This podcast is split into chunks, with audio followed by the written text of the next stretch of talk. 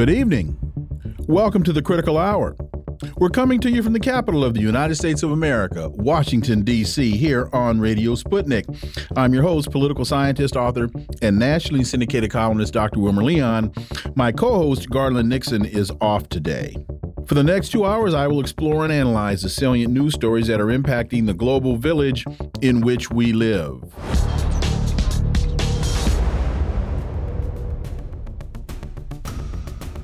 Sputnik International reports Poland preparing political pretext to occupy Western Ukraine.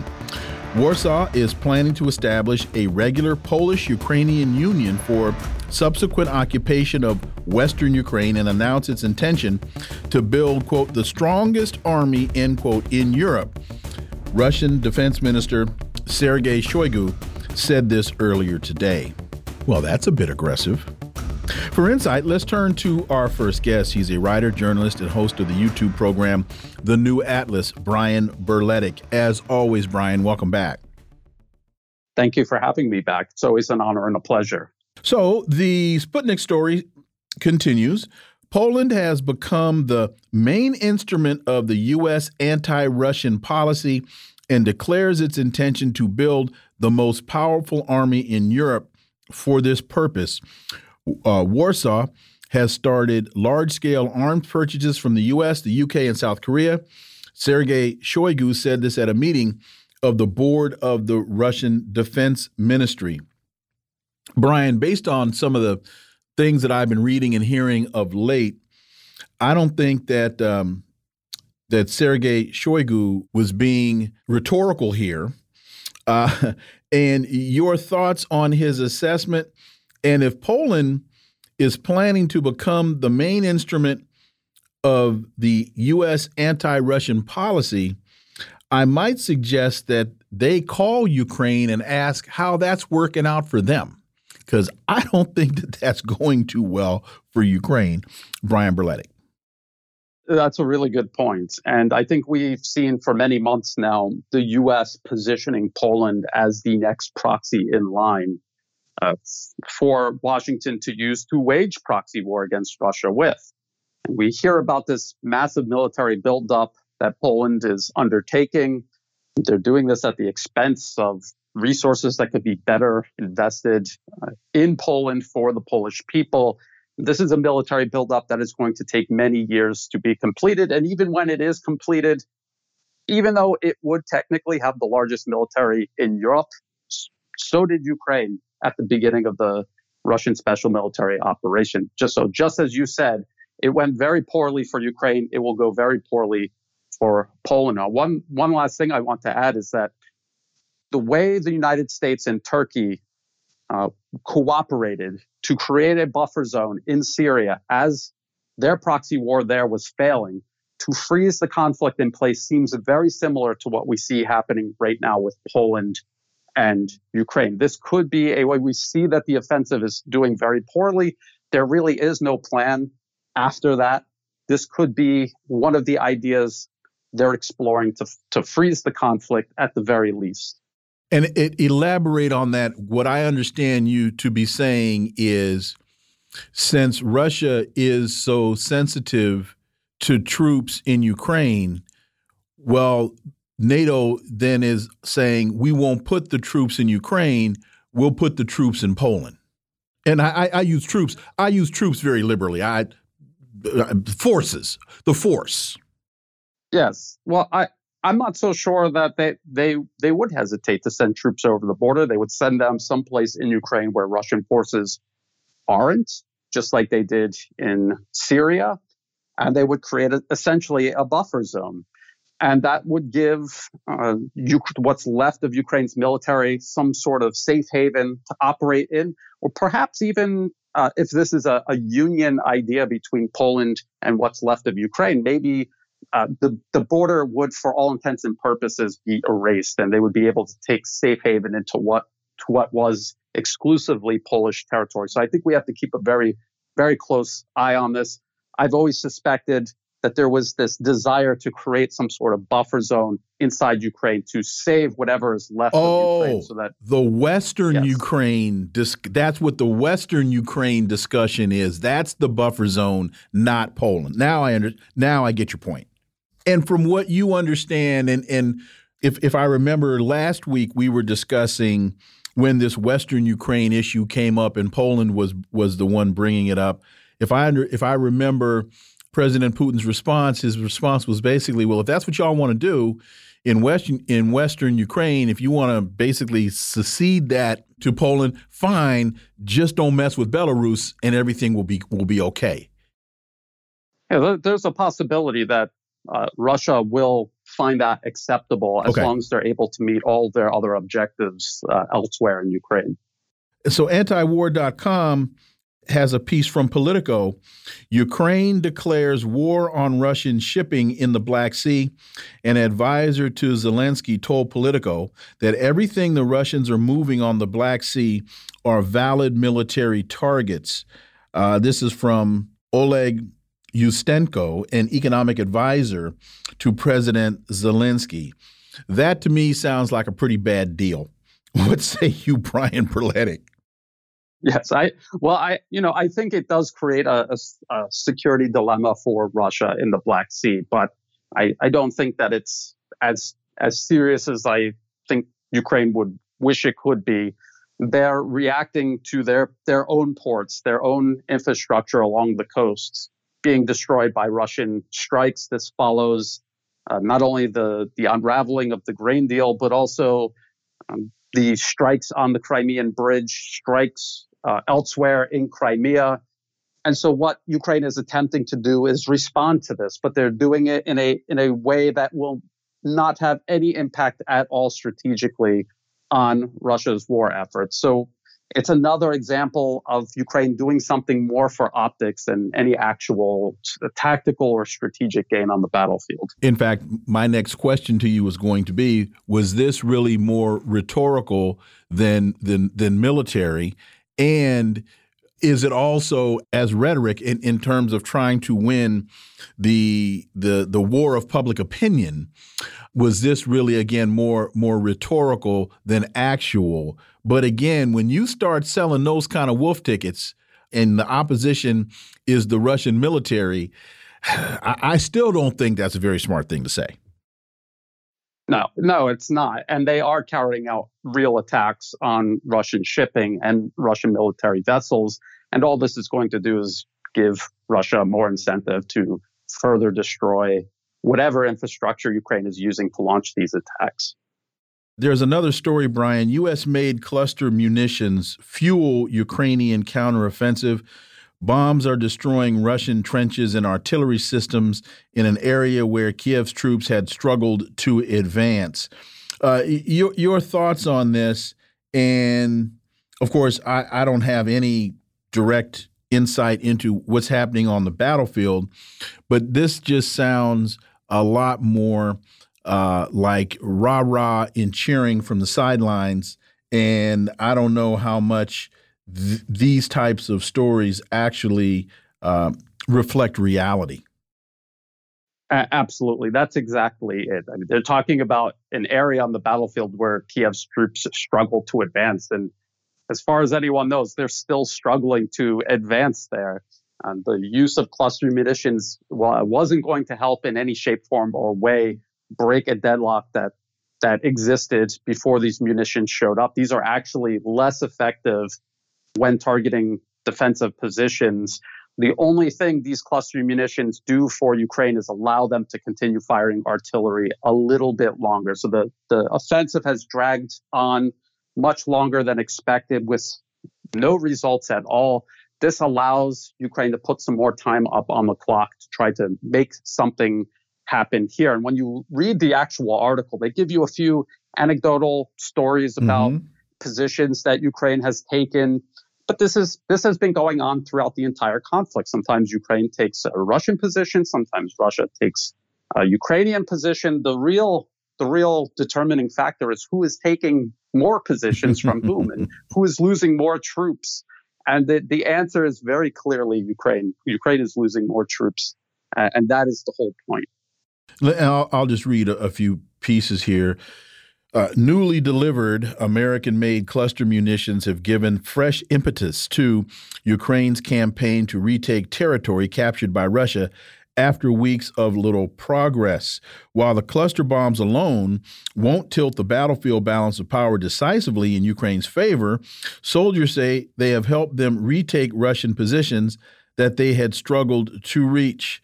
One of the other elements of this, in my many conversations with Mark Sleboda, is that Russia has been engaged in kind of advanced strategic withdrawal, advanced strategic withdrawal, that they're being very, very strategic in where they place their troops, how they place their troops, how long their troops remain in place. And so to say that these uh, cluster munitions are resulting in some type of helping Ukraine retake positions, it might just be the fact that Russia decided to move troops back uh, first for other strategic reasons.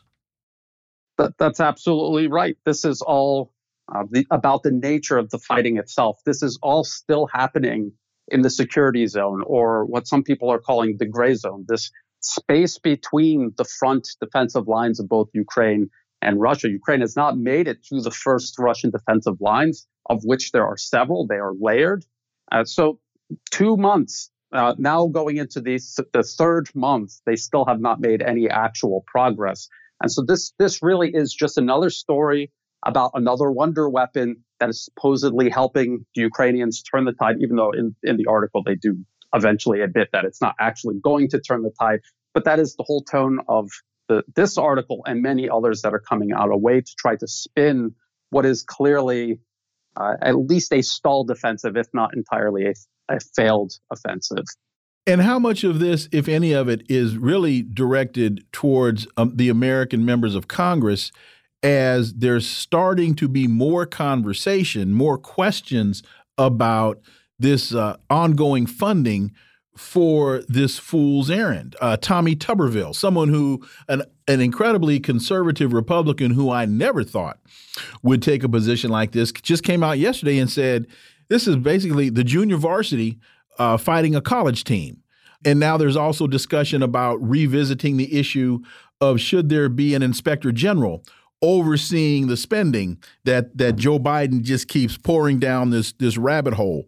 So how much of this do you think is for domestic consumption?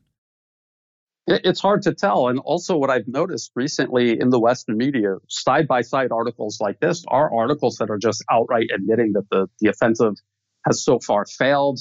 Ukraine is suffering catastrophic losses of both men and equipment, that they were, not receiving the equipment they actually needed. They had no air power. Um, all of these things we were told ahead of the offensive that, that you and I knew were going to be a failure. Uh, all, all of these things are now admittedly okay. They they may have been very bad ideas, but there was no way it was ever going to work, and that's why we see what we're seeing on the battlefield now. So it's I think it's very a very confused information space at the moment in the West because you're getting a, a little bit of everything. You still have some people pushing this narrative that the offensive is viable, and others who are admitting very clearly it isn't. Brian Berletic, as always, thank you so much for your time. Greatly, greatly appreciate your analysis, and we look forward to having you back. Thank you. Folks, you're listening to the Critical Hour on Radio Sputnik. I'm Wilmer Leon. There's more on the other side. Stay tuned.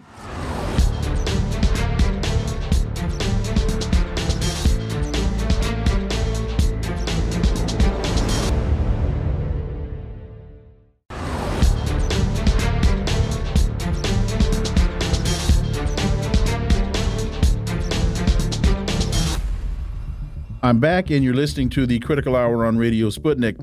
I'm Wilmer Leon. The Washington Post reports Imran Khan is banned from running for office for five years in Pakistan. Former Pakistan Prime Minister Imran Khan has been disqualified from running for office for five years. This is according to a statement released yesterday from the Election Commission of Pakistan. This sounds to me as though Pakistan is doing the bidding of the U.S. Well, for insight into this, let's turn to my next guest. He's an international geopolitical consultant, global speaker, author, veteran, and former international security analyst in Washington, D.C. He's the founder of Global Perspective Consulting, which is headquartered in Dallas, Texas. Dr. David Oualaalou, as always, welcome back. Pleasure to be with you, Wilmer. So, Khan has been banned as a result of being found guilty last week in a corruption trial and sentenced to three years in prison. The trial relates to an inquiry conducted by the Election Commission, which found him guilty of unlawfully selling state gifts during his tenure as prime minister from 2018 to 2022. To me, and please, sir, correct me if I'm wrong, this sounds more like Tony Blinken called his counterpart in Pakistan and said, "We need you to do something with this guy." And they found as painful of a way uh, uh of a way, painless of a way to to to accomplish the U.S. bidding. Am I reading more into this than I should be, sir? No, actually, you're spot on because uh, just for your listeners to know, if they know the background of how he he ended up in prison to begin with, all these corruption charges, it's nonsense. The, what's at the heart of the matter is that he turned down, he, uh, uh, Imran Khan, when he was uh, in office as a prime minister, he turned down the U.S. request for us to establish a drone base on Pakistani soil. That's what's at the heart of it. But there is much bigger picture into this. Of course, the uh, as like I always say in international relations, context matters. The fact that he was arrested from his residence in Lahore, it sends the you know the big picture as to we can get you no matter what, no matter who you are, if you don't toe the line. This is basically what's at the, uh, also at the heart of it. And if there is anybody uh, needs to understand anything about Pakistan, there is one particular aspect needs to be understood is that the civilian government in Pakistan has no say into exactly what's going on inside that country. Who has the final say is the military, the Pakistani army, especially with the ISI, whom we have a close relationship. ISI is the it's called the Inner Service Intelligence, the equivalency of the CIA except that the ISI falls under the military jurisdiction. So, if there is anything we want to get done, we go through the ISI. If we want anything that the Pakistani government needs to do, we talk to the ISI. This is why it is known in Pakistan and, and, and some people, some observers around the world, that the Pakistani army is almost the only known dominant player necessarily in the political scene of Pakistan. Anything goes through the military. So the arrest of the former prime minister had to be approved by the military in coordination with the Supreme Court. You mentioned that Imran Khan ran afoul of U.S. interests when he refused to allow the construction of a drone base in Pakistan. Well, there's a drone base in Niger, Africa. And there's incredible unrest in that country. Uh, sounds like drone bases uh, are the cause de celeb for uh, for international intrigue right now. Well, you're absolutely correct, uh, Wilmer, because this is why, once again, for your listeners to really pay close attention to what our administration, the Biden administration, is saying. Remember, we have not called the Niger a coup yet. We haven't given it the official term from the administration. Why? It's because of our interests. That is beside the the the the uh, uh, uh, uranium. That's beside the gold. It also has to do with geostrategic location there. This is why you had Victoria Nuland, the Assistant Secretary of State, visiting Niger, Niamey, uh, yesterday or the day before talking to the military junta to ask for the release of the deposed President Mohamed Bazoum. Well, guess what? Because her argument was, well, we have to reinstate the democratically elected president. Okay, and here is my argument. just for your listeners to know. How come we are going for reinstatement of the democratically elected president in Niger, but we have turned a blind eye on the democratically elected president in Ukraine back then? So that to me shows the double standard. And uh, this is no different than what's going on right now in Pakistan. To tie it back to the main topic here, is that we only use certain approach when it serves our strategic interests. I could also ask the question why hasn't the United States supported the democratically elected president in Peru? And why hasn't the United why is the United States trying to overthrow the democratically elected president in Venezuela? Venezuela. So, okay, all right. I just want to be sure that that I'm on if I'm on the right page with you, then I'm on the right page. You're uh, right. Uh, in terms of hypocrisy, U.S. Navy destroyers responded to Russian Chinese vessels near Aleutian Islands. Alaska Senator Sullivan blasted the Chinese and Russian patrol as a reminder of authoritarian aggression. So, uh, Dr. Oualaalou, the Russia Chinese joint exercise was maintained in international waters, did not violate national waters by getting too close to the Aleutian Islands, but somehow the United States wants to claim navigation rights uh, through the South China Sea. So I, I don't. So we can send destroyers anywhere in the world we want to send them, but when Russia and China are engaged in military exercises in international waters, all of a sudden that's a problem. Yeah. Well, usually when we send our uh, vessels and all that, we call it freedom of navigation. Mm-hmm. Remember, that's the term. It's not a laughing matter. It's because it shows our hypocrisy. We can't be saying one thing and doing the opposite. And here it is now. The Chinese and the Russians had their vessels in international water, which, by the way, to breaking into a national water of a sovereign state you have it's within 12 nautical miles. Uh, the Chinese and the Russians were aware of that. This is, to me personally, uh, the way I interpret this. This is sending a message to the United States, loud and clear, that we're going to have you taste uh, some of your, of your own medicine, shall we say, as we the saying goes. I mean, can you imagine what how we will react if they now start having maneuvers in the Gulf of Mexico? So what makes us think that we can go to South China Sea and conduct whatever we wanted to do? So this is the idea of uh, uh, the for Sullivan, the, the representative, to start his statement with the incursion. So funny how they play with words because average Joe, average Jane, all they're gonna understand or read from that statement right away. Oh, they are incursion in, on our territory, when in reality they're not. And that just shows how now, we are faced with that reality. We didn't feel good about having now the Russians and the Chinese vessels close to our shores.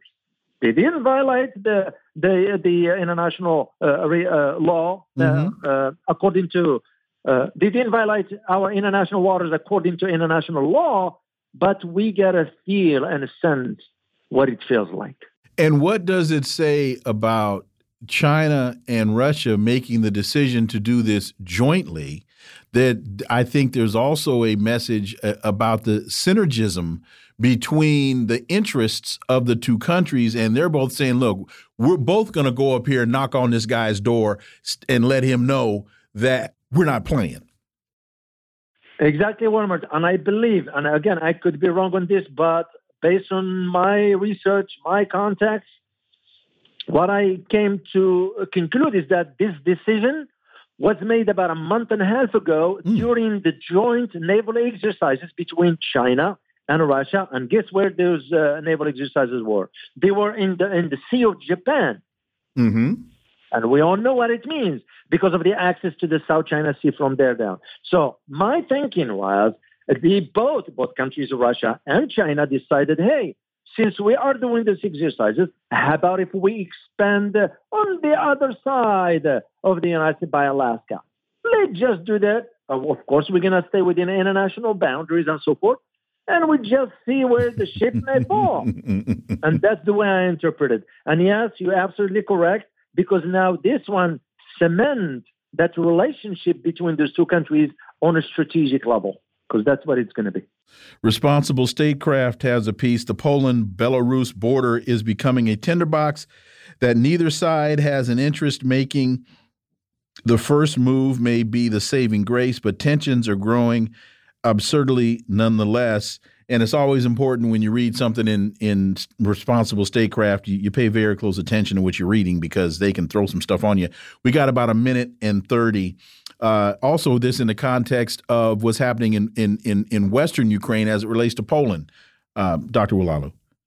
Well, indeed, uh, uh, one more thing. This has to do with the fear of Poland that the Wagner Group might because they wanted to go to Warsaw altogether, which they will have the capabilities if they want to. They're not going to do it. But it just shows you how easily now uh, NATO manipulated Poland into sort of deploying its troops to the border because Poland's going to be the sacrificed lamb. That's the way I see it. And the question is, how does Poland not understand? How do they, they need to just ask Ukraine? How's how's filling that role for NATO working out for you? We got 30 seconds. You're absolutely correct. And you would think that the president of Poland will think long term, but apparently, in my opinion, he's been pressured to act this way. As uh, Henry Kissinger says, it's dangerous to be an American ally. It's it's it's it, I mean, um, American foe. It's fatal to be an American ally. Dr. David Oualaalou, as always, thank you so much. Greatly appreciate it. Look forward to having you back. My pleasure. Folks, you are listening to the Critical Hour on Radio Sputnik. I'm Wilmer Leon. There's more on the other side. Stay tuned.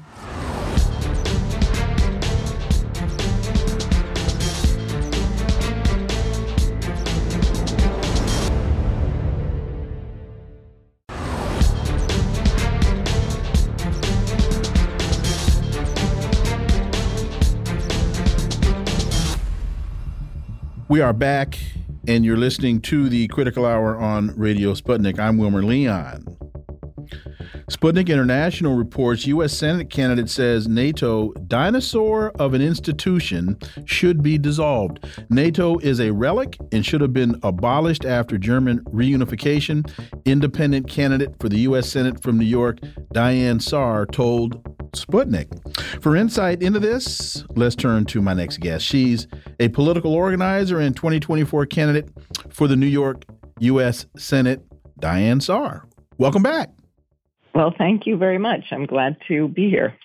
So, if I have the quote correctly, you say, I think NATO should be dissolved. I think it should have already been dissolved when Germany was reunified. I think, frankly, it's dead already. I mean, you know, there's so much dissent within NATO already as it is. It is a dinosaur of an institution, so I don't think it's really going to be around that much longer. I'll let you pick it up from there, Diane. well, thank you so much. You know, I was thinking, um, I was out in the streets of Manhattan organizing against nuclear war, and not just the rally this past Sunday at the UN, at which I was joined by Garland Nixon and Scott Ritter and others. But uh, and I was thinking I should have a list of the dumbest things that people said to me. One of which was, if we dissolve NATO, who is going to keep peace in the world? oh, that's a great um, question. Um, you know, I mean, who's going to start World War III if we dissolve NATO would be a better question.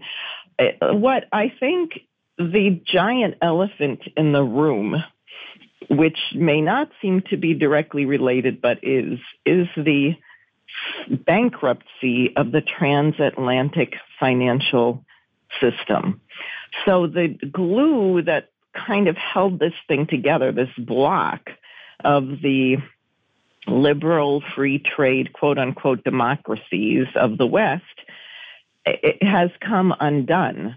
There's a gigantic two quadrillion dollar derivatives bubble, you know, hovering over the city of London and Wall Street. There's no way that this can ever be fulfilled.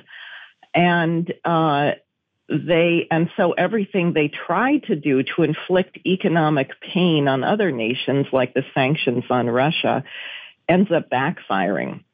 So the German economy has been savaged by this policy, and you wonder how long is Germany even going to stick with this uh, great alliance. Uh, I understand from Helga Zepp LaRouche, who is German, who's there, she said there is an enormous simmering rage under the surface about the quadrupling of energy prices, the rationing. 30% or more of the industry is leaving the country. Uh, I think people do notice this. Uh, many of them, I think, suspect that uh, the United States since Biden announced it was directly involved in blowing up the Nord Stream pipeline, to say the least. And you have to wonder with friends like that, who needs enemies? Uh, you have Orban in Hungary who keeps saying, we need peace. We need peace talks. We need to, that's not the official NATO position. You have Turkey and Erdogan's opposition uh, to Sweden coming into NATO because of the burning of the Quran. Uh, you know, so it's, and the more NATO expands, the more diversity there will be. So it's sort of a self fulfilling doom machine if they don't succeed at plunging us to our annihilation as a planet before that. Well, in terms of your talking about the expansion of NATO, what about this whole idea of a Pacific NATO or a NATO in the Pacific? Right it's insane. It's not how how did this what what does this have to do with NATO's original supposed intended purpose? The thing is a fraud, and I think the expansion will help to fuel its demise because at some point people are going to say, "Well, wait a minute, I didn't really sign up for this." And also, China is a huge economic power. Can Europe afford to be at war with China or decouple or de-risk, as they're calling it? I don't think so. Now, maybe they're that suicidal. So far, Olaf Scholz uh, seems to be rather suicidal as far as his country is concerned, but I, I think there's a limit to how long this can continue. That's a great point, which takes me right to my next question. When you talk about Olaf Scholz as the chancellor uh, of Germany, I had prime minister stuck in my head, as the chancellor of Germany. So, and, and you also mentioned that this this this simmering undercurrent of disgust and dissent, my words, within within Germany about high energy prices. So there's a huge disconnect between the people and the elite that are running the country. We see it in Britain, we see it in in France, and so I keep asking the question, and Garland and I have been asking this question for the last couple of years at what point do the people gain control of their governments and bring about a shift in policy? I, and, and the other thing quickly that makes me think about this is that that meeting that President Putin had with Macron back before or around February when the when the Ukraine intervention was was was kicking off and and and, and President Putin said, "Look, to Macron, you you keep you keep this up, I'm going to send a missile into Paris. And so that kind of potential reality should have piqued the interest and concern of a whole lot of because when you looked at the when you looked at Macron's face, he he looked like somebody just pooped in his soup. So when all of that to say, when to the people and the unrest, the, sim, this simmering unrest, when does it boil to the surface? Well, that's the great question. Uh, I don't think anybody knows. That's the question of the mass strike phenomenon. I mean, what, when was the exact date that the Berlin Wall was going to come down? It was quite unpredictable. And how did people know it was going to be about a travel advisor? You know, an announcement that was mistaken for the wall has come down. You know, mm-hmm. the way it happens. But I think you know, and Friedrich Schiller, the great German poet of the Ode to Joy and William Tell and, and other studies of history and drama it really described it as a certain there's a certain moment there comes a point where the injustice just will not stand anymore that people will not tolerate it now the concern is do you get the french revolution model where everyone just gets violent or do you get the american revolution model which really was based on a certain intellectual commitment uh, with the result of our Constitution and our Declaration of Independence. That there are certain universal principles of of humanity that have to be upheld, and I think this is why, in this moment, it is very, very urgent that we do things that are beautiful. Um, as you may know, I'm a, a trained classical musician. I think classical music is urgent, great art classical drama, we have to do things to make sure that we ourselves are in the right mindset that when that break occurs, we're not groveling and snarling and, oh, so and so has too much money and why? We don't want to be whiny little brats. We want to have an image of what should be the relations among sovereign nations, among mankind. What, what should our species actually be doing in the universe. And, and therefore, it's very important for us to keep ourselves in an ennobled state of mind as much as possible. Sputnik also reports support for ending Ukraine aid growing in U.S. Congress. Support for ending financial assistance for Ukraine is increasing among U.S. lawmakers and the American people. And you you discuss this uh, as well. You you believe that it's shifting. You believe the support for ending this funding is growing. And uh, you would say that in the American people, it's the overwhelming majority. So how does that how does that get get translated into Congress when the Lockheed Martins of the world, the Raytheons of the world, the General Electrics of the world are seeing to it that that message doesn't get through? Well, there's two things. One, you're right, and I said uh, when I spoke at the UN this weekend, I said, people, we need people and four, and my colleague or uh, staffer, Jose Vega, we need people in 435 congressional districts going to your congressman. Every single staffer in that office should be on a first name basis with you because you're the person who doesn't leave them alone. We also have to do it because the media is part of Lockheed Martin. And uh, it's, you know, when you have the head of the CIA going over and being an anchor, news anchor at MSNBC, uh, the, you can't presume that the Congress necessarily knows how much the American people oppose this. So you have to go there. The other thing is, I would say, and this again is why we have to have a plan for victory. We need Boeing, Lockheed Martin, Raytheon, uh, Grumman, but not to kill people. We need 43,000 miles of high speed rail. We probably need about 500 new nuclear power plants. We need massive water, modern water management. In other words, these companies could be retooled to actually do things that would dramatically raise the standard of living in this nation. And I think the people who work there, I have a dear friend who used to work at Texas Instruments and was horrified when he discovered things that he was building being used against people in Yemen, um, and would not want to be doing that. So I think there's two parts to it. We have to have a vision for where our nation really should be going, how we should be using the advanced technology we have, and everybody has got to be on the case with their representatives, uh, banging down their doors and making their voice heard.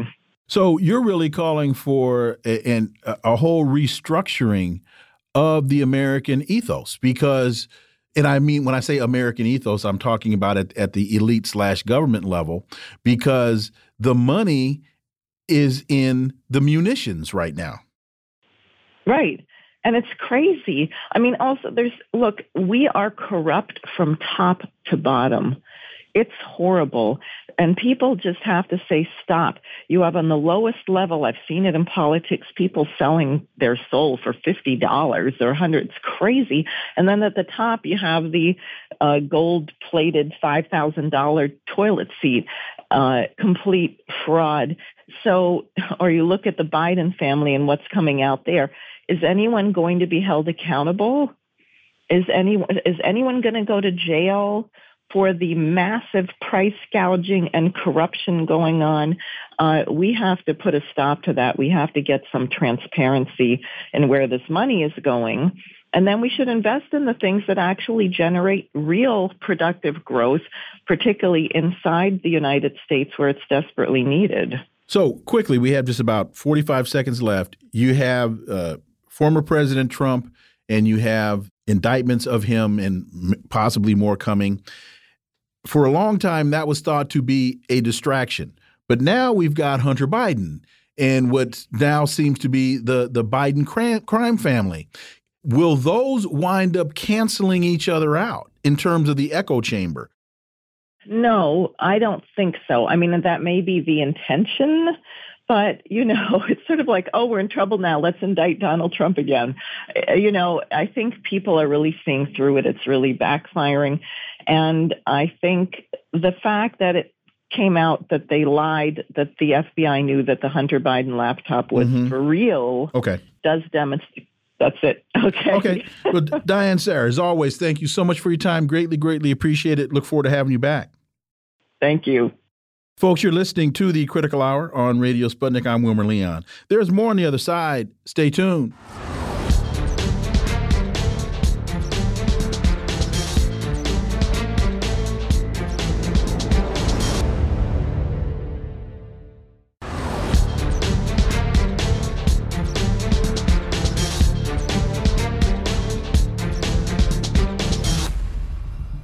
I'm back, and you're listening to the Critical Hour on Radio Sputnik.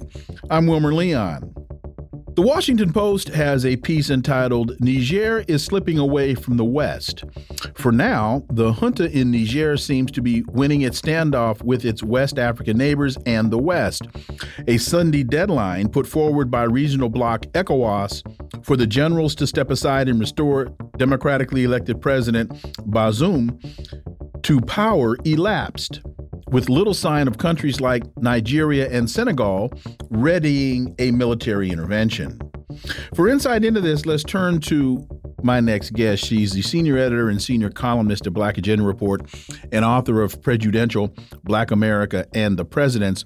Margaret Kimberley, as always, Margaret, welcome back. Thank you so much. First, your thoughts on a piece like this in the Washington Post so early in the game. Because I always say to folks, yeah, it's the piece, but you also have to always take into consideration where the piece is published and when the piece is published. So, your thoughts on this, Margaret Kimberley? Well, it was it was a pretty good considering it came from Washington mm -hmm. Post. It was a, a, it was a pretty good uh, piece, but uh, the Post also had an op-ed from the deposed president last week, which tells you where Washington stands on this.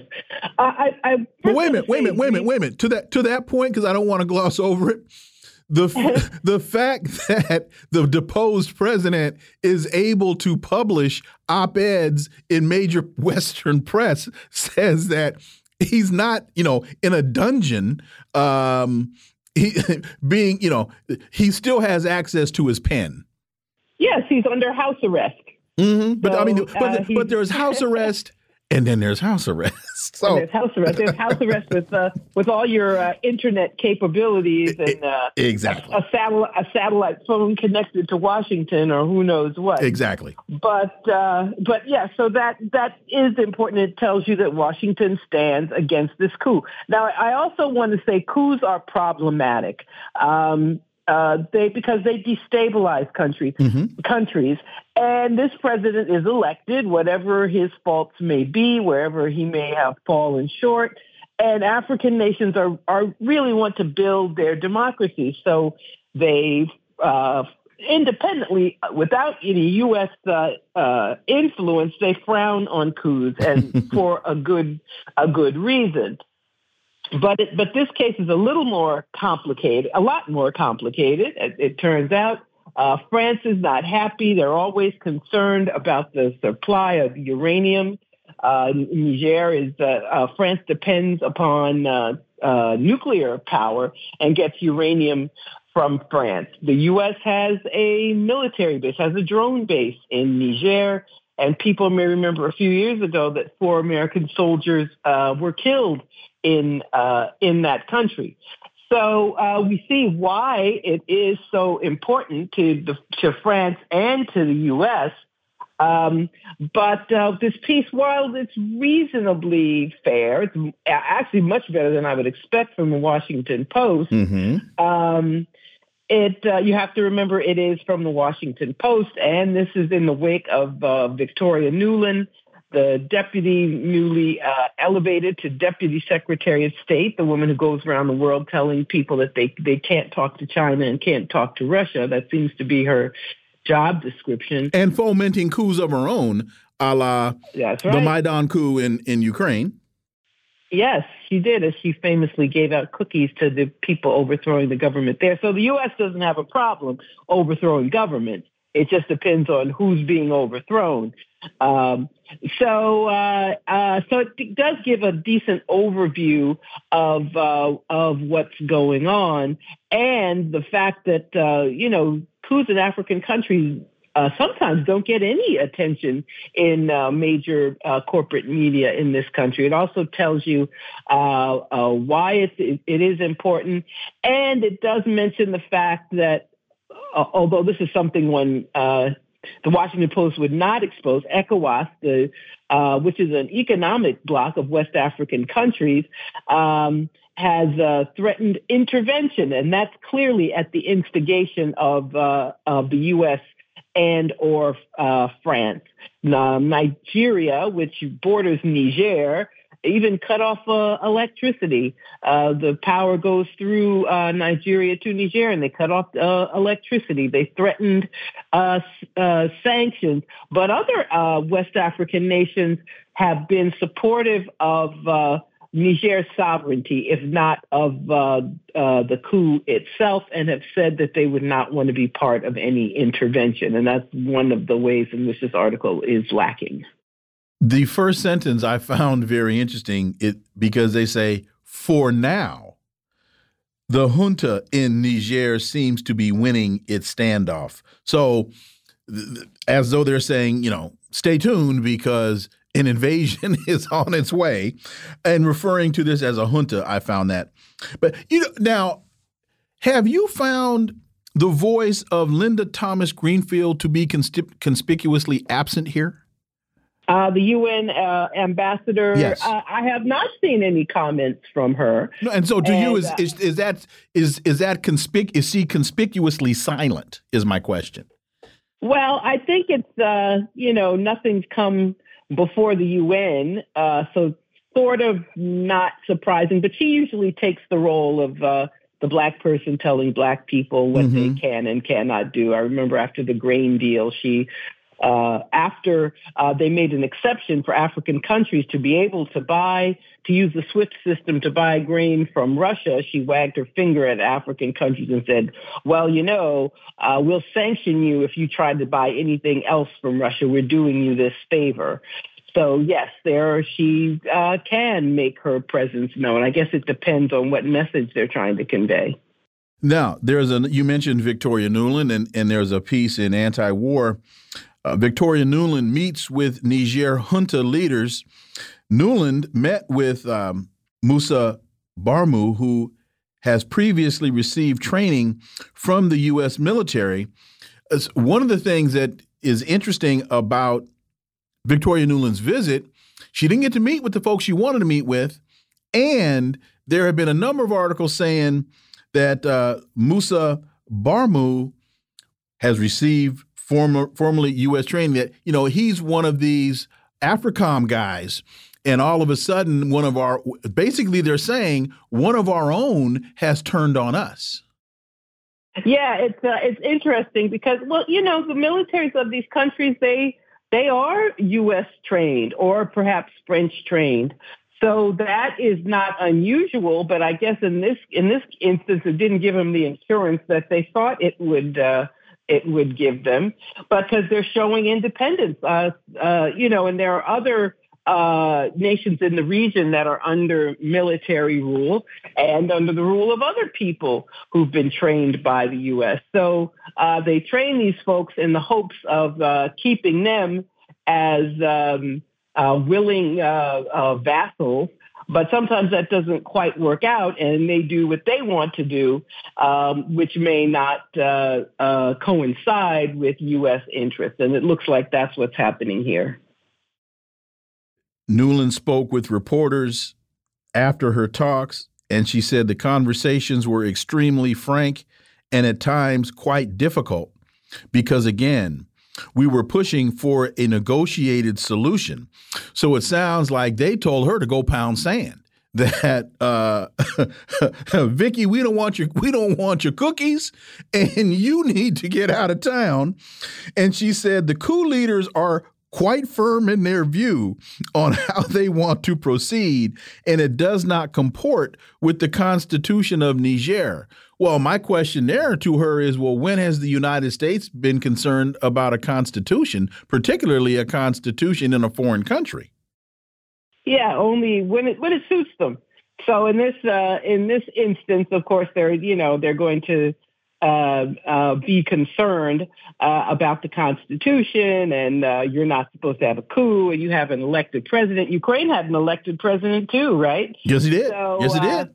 Uh, so this time it doesn't work out for the U.S., and I'm glad the conversation was difficult because they uh, have sovereignty over their countries. And as I said, coups are problematic. I'm not uh, pro coup, but I am most definitely not in favor of Victoria Nuland, of all people, uh, going to an African country and telling them what to do. It's up to these states to work out these problems for themselves and uh, uh, not for the woman who practically. And can I, I just want to talk about Victoria Nuland for a 2nd mm-hmm. I, I sometimes wonder how does she keep her job? It's like I would love to know. She's the one who famously was caught uh, on an unsecure phone in Ukraine bragging about the fact that the U.S.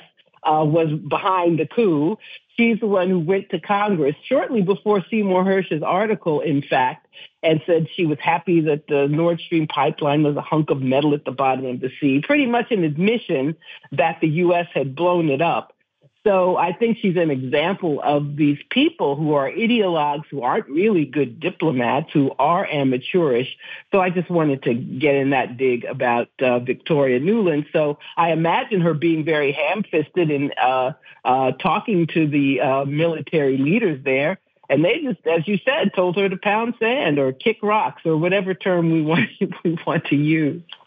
Well, I think she keeps her job the same way Elliott Abrams keeps his job you know, uh, she's she's a female Elliott Abrams in in in many regards, and and and so I I think that in the in the minds of the neocons, and Joe Biden is a neocon, that you know these are serviceable individuals, and they have ingratiated themselves with us with certain ideologues and I guess they just have, you know, hey, sometimes it works and sometimes it doesn't, but that doesn't stop us from trying.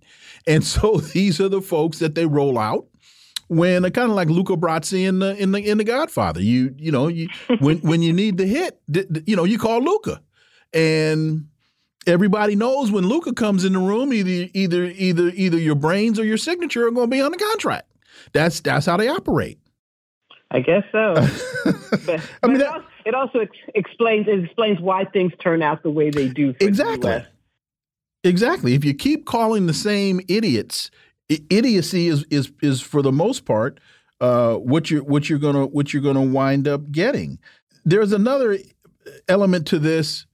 Russian flag in hands of African anti-colonialists has spooked the West. This is from Sputnik. The sight of Russian of the Russian flag at demonstrations in support of Niger's military leadership has scared Western nations. Africa expert and political analyst Kofi uh, a senior research fellow at the Center of Africa China Studies at the University of Johannesburg, said Russia has a long history of aiding African struggles against colonialism. And that would, I think, explain fairly clearly why those flags are there compared to America. I mean, you know, Russia does have the University of, of Patrice Lumumba, and yes, they do where they where they train African leaders how to oppose colonialism, how to lead their countries, whereas the United States sends uh, leaders from South America to the uh, to the to the college of uh, the school of uh, the school of the Americas, where they teach them how to be dictators and how to kill people. Yes, yes, exactly. So you know, it's uh, I don't know why people are so they don't understand why uh, Africans would feel an affinity for for Russia. Well, uh, you know, Russia didn't invade their countries. Let's call colonialism what it what it mm-hmm, was. It was mm-hmm. brutal invasions. Uh, in the case of places like uh, Belgium, sometimes uh, millions of people uh, were killed. They fought against uh, efforts to uh, remain independent. And nobody's being naive about Russia. They're smart people. They're not. Uh, they they know that uh, uh, nobody they're dealing with is warm and cuddly. But Russia has not played the role that the European colonizers and the U.S. has. So, um, and they know that Russia on the world stage is opposing the people they are struggling against. So, of course, there's an affinity uh, for uh, for Russia as opposed to the U.S. and its European allies. So this shouldn't surprise anybody.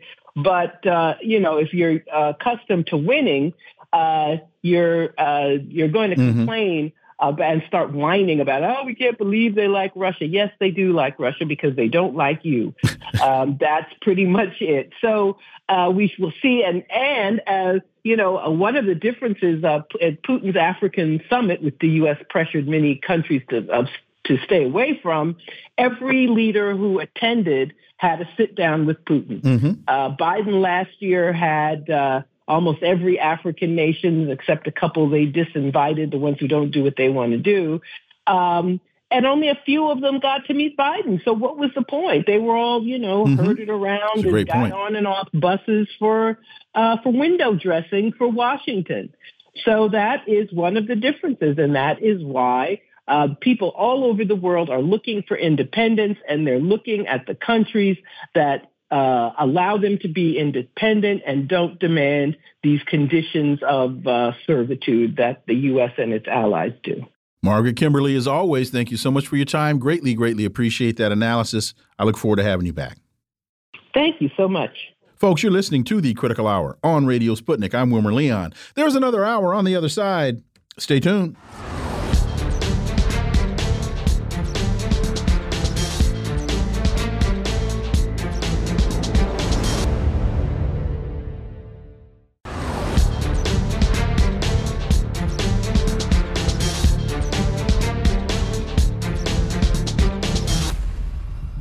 I'm back, and you're listening to the Critical Hour on Radio Sputnik. I'm Wilmer Leon. Well, the LA Times reports thousands of city workers have gone on strike uh, Karen Bass, the mayor, says LA is not going to shut down. Workers, managers, and elected officials braced for one of the biggest labor actions to hit Los Angeles city government in a generation.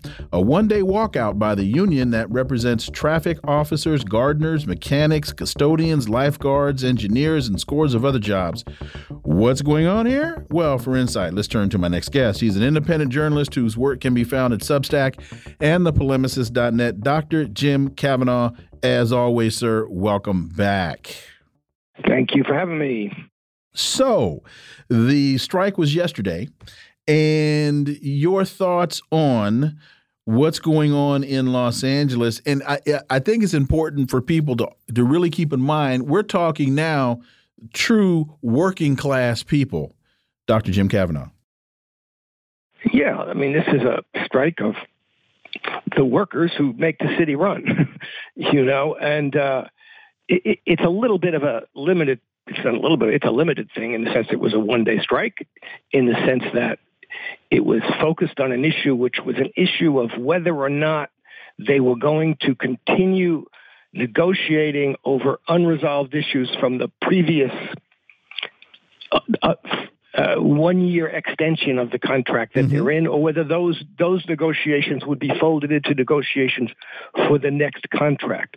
So it was a, a, a little bit of a technicality about contracts they were negotiating, or not even the substance of the the issues in the being negotiated, but whether the negotiations would take place now or in a few months. So it's a little technical, but you know what it demonstrates is that that workers are willing to strike and to fight for the things they think are their rights are necessary. And you have the situation in Los Angeles, you have the writer's strike, which has gone on for 100 days or something now, and uh, it's a little bit of a different group of people. It's true, But this is the kind of thing that workers are going to have to do. This is the power of workers who run the country, who do the work to keep the cities running and to keep the factories running and to keep the trains running and to keep, you know, th those workers have power to withhold their labor and cause trouble. And that's the only way they're going to get uh, the fair treatment. Uh, you know, and but you know, uh, this needs to be done on a lot wider scale. Unfortunately, we have a country in which what is it now? Six percent of the workforce is unionized. Uh, so fewer and fewer workers have the power to strike like this, and the workers' power is in working together, is in solidarity. Solidarity is the ethic of workers as opposed to competition, which is the ethic of, of the capitalists. And you need to be re- rebuild the working class movement uh, with working class, militant working class unions, unionization, in order to overcome the social, the devastations that are happening to the social economy, the, ho- the homelessness, the inequality, the lack of wage uh, growth over 30 years. And, you know, it's crazy that we have a minimum wage of $7.25 or $7.50 or whatever. It's nuts. These things have to be fought for by workers using tactics like this strikes, withholding their labor. I think the one day strike was a brilliant move by the uh, Service Employees International Union, Local 721. To your point, there were, I think it was 400 issues that were unresolved in the last negotiation. And the agreement was that they would negotiate those remaining issues through throughout the year and the city decides, nah, here's what we're going to do. We're just going to take these remaining issues and fold them into next year's negotiation, which really impacts the union's negotiating position. So I thought that the one day that basically the union saying, let me show you what we can do if we want to, and you guys better get back to the table. Your thoughts on Mayor Karen Bass? I think she she has to understand she's the mayor of Los Angeles, and many of those striking workers are her constituents as well. And people need to know that she was also on the on the board of the um, was National Endowment for Democracy when she was in Congress. Uh, so her you know liberal vitae is somewhat in question. But anyway, your your thoughts, Jim Kavanagh. Well, yeah, your point about the uh, the negotiations is correct. In other words, instead of solving for these 400 issues, and that becomes then the basis, you know, on which you move forward, you have these 400 issues that now have to be resolved in future negotiations. You no longer have them in your pocket as workers, and that's why it's an important thing to stand up for things like that. Uh, again, one day strike can show you can show you in the context of workers like this. Look what we can do. Look at the damage we can do. As for Karen Bass, you know, it's another Democratic mayor who. Uh, as part of a party which presents to represent the working class. Actually, these Democratic mayors, black, white, green, and striped, uh, come into power and they're beholden to the to the real estate interests in New York City, to the Hollywood interests in Los Angeles, to the money interests. They're beholden to the to their donor class, which got them into into office, and they're going to. That's their first priority is to maintain the donor class the interests of the donor class within the within the municipality. So that's what's happening with her, as with every other mayor in the country. Uh, and uh, it, it it's a little bit. Uh, you do have the situation in the in municipalities where municipalities do have to collect taxes to pay for services, and they have to decide where they're going to get that money from, as opposed to the federal government, which doesn't.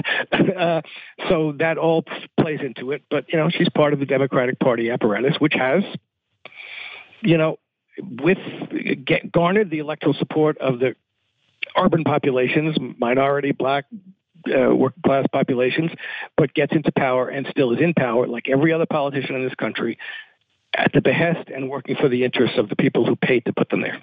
If if this thing drags out, does it possibly, and I underscore possibly, have an impact on the presidential process since Gavin Newsom, the governor of California, many believe could wind up uh, replacing Joe Biden. And so, as the governor of California, a and and Los people need to know Los Angeles is the second largest city in the country. Does a strike of this nature, a prolonged strike of this nature, could it have some impact on Gavin Newsom and his interest in running for president? It would have an impact on any Democratic nominee, certainly yes, Gavin Newsom, and also Kamala, who's from uh, Correct. California, and lives in, Uh, and lives in her her principal place of residence is Los Angeles. Right. And, you know, this is a huge city. If the SEIU or some, or some union like it were to promote this, uh, push this and fight and have a prolonged strike, it would have tremendous impact. Okay. I suspect, and I would, uh, that the SEIU would be uh, persuaded to uh, forego making trouble for the Democratic presidential nominee in a certain circumstance.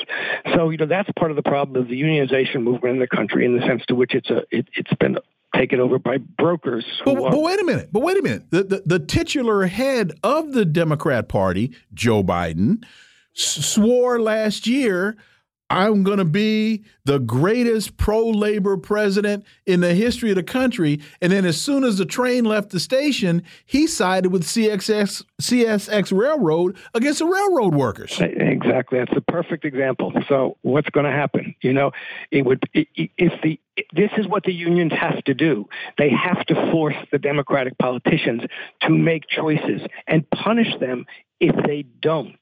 But I, I fear that the the major union bureaucrats who run the unions, I, am not I'm not quite sure what the SEIU is like in uh, in California, uh, you know, are consider themselves part of the Democratic Party apparatus and mm-hmm. supporters of the Democratic Party, and therefore will try and soften any kind of conflict that might come up that might embarrass major Democratic Party politicians in presidential election year.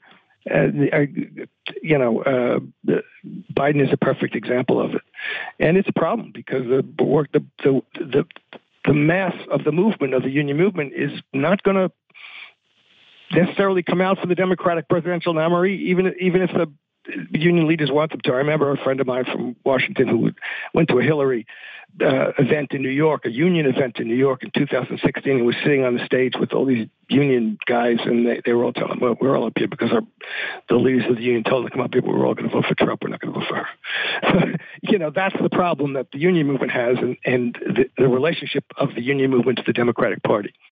Ohio voters reject Republican power grab aimed at thwarting abortion rights amendment Issue number one was a blatant attempt by its supporters to control both the policy agenda and the process of direct democracy. You take that along with the now, I think in Arizona, uh, a similar move is about to hit the ballot box in Arizona. Your thoughts? What what does all of this say about us going forward? Well, this is an issue that is uh, uh you know, as a supporter of abortion rights, I'm glad to see this happening. Uh, abortion rights are, in fact, popular. the case for abortion rights can be made and won, I believe. Uh, there's a propensity for the majority of the population to support abortion rights. Uh, and I'm all for also, this is also mixed up here with the uh, idea of direct democracy and it, citizens' initiatives to put things on the ballot, initiative, referendum, and recall. That's an issue which, in this case, the Democrats are supporting and the GOP is trying to push against. So this demonstrates again the hypocrisy and the limit to the GOP. Any GOP Republican claim to be populist. this is the most anti-populist thing, they, the position they could take. On the other hand, we also have to be aware that the people who are doing this, and they say this, they're they're, they're taking their position because not because they really support or don't support in principle direct democracy and and, and initiative, but but because of the issue. And uh, the Democrats, the Democrats in other circumstances will be opposed you know, themselves to uh, initiatives for that might look like they would win on issues they don't they don't want to win. So there is an issue here of direct democracy that is also important. Uh, again, you know, w- w- what we see here is that's what helped the, the, Democrats in 2022 was Dobbs, and you know, and the, there's a there's a even people who don't like abortion, it's a question of abortion rights.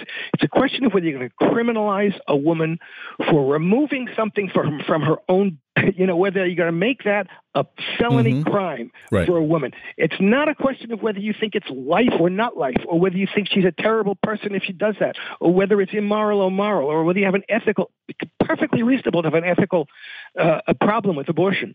But it's a question of whether you're going to criminalize a woman for removing something from her own body. And whether you're going to give that thing in the body, whatever it is, more rights than the woman whose body hosts it. And that's the issue. And you have to, if we put it that way, you can persuade people and you will persuade people. You know, I, you know, I had an article about this called Let Roe Go. And one of the best discussions about this I ever saw was in 2009 when Chris Matthews had a Catholic bishop on. He was saying, what's the penalty? What's the penalty for the woman who has an abortion? Oh, well, we don't want penalties for the women. What are you talking about? It's either murder or it's not. It's either legally, you're either legally going to make, we don't really want legal mm-hmm. penalties for the women. Right. What are you talking about? so that's, you got to push that. And if you do, you can win this order, win this issue. And, what, and as we get out, it's no matter what you believe, who ordains you to impose your rights on somebody else? Dr. Jim Kavanagh, as always, thank you so much for your time. Greatly, greatly appreciate that. Look forward to having you back. Thank you. Folks, you are listening to the Critical Hour on Radio Sputnik. I'm Wilmer Leon. There's more on the other side. Stay tuned.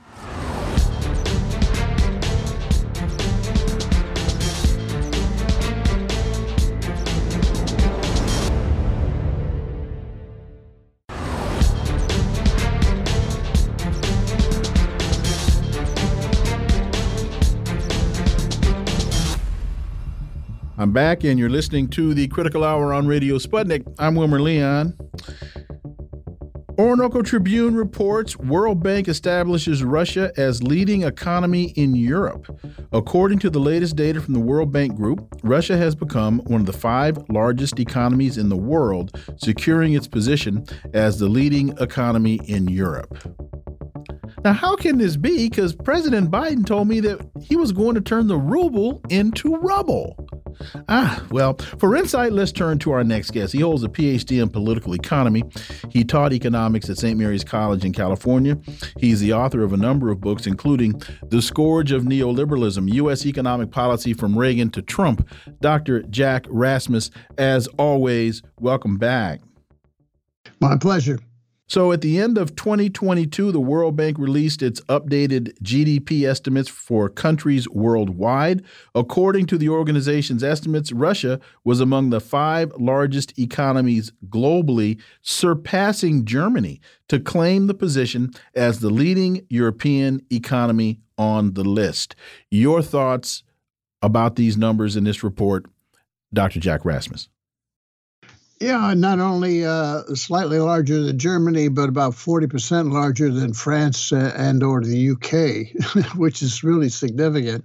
Well, you know, what it really represents is that uh, Europe is uh, slowing down its economy, uh, particularly Germany here. And a lot of that has to do with uh, global forces that were set in motion by the U.S uh, driving uh, Russia out of the Western European economy, providing cheaper energy. Uh, and now they're paying more. They, uh, Germany and Europe, paying more for U.S. goods, uh, particularly energy, uh, and that's taking its toll. It's slowing the economy down, and at the same time, the U.S. economy is is slowing. if not in recession, we can debate that. Uh, and uh, that's uh, reverberating globally. The World Bank just came out uh, also uh, showing that uh, global trade in the second quarter contracted. It, virtually never contracts. Usually, somewhere in the world, there's growth sufficient, but goods trade is contracting here. The you could argue we globally have entered re- recession, and um, that's throughout Asia, by the way. The U.S. is trying to spin it to say, oh, you know, sanctions on China are taking a bite and so forth. But if that were true, why is uh, exports uh, contracting throughout Asia? Well, it's because uh, the G7 and West economies are slowing, and the demand for Asian goods, China and other, uh, are are declining sharply. Uh, so, you know, it's not just uh, Russia's economy uh, larger than Germany's right now. It's that um, behind all this is uh, the slowing global economy, and which probably has entered a global recession here now in the second quarter. According to the organization's estimates, at the World Bank, Russia was among the five largest economies globally, surpassing Germany. So let me see and and I, I said this somewhat in jest in the open, but this is real. So Biden said at the beginning of the Ukraine conflict that he was going to turn the ruble into rubble.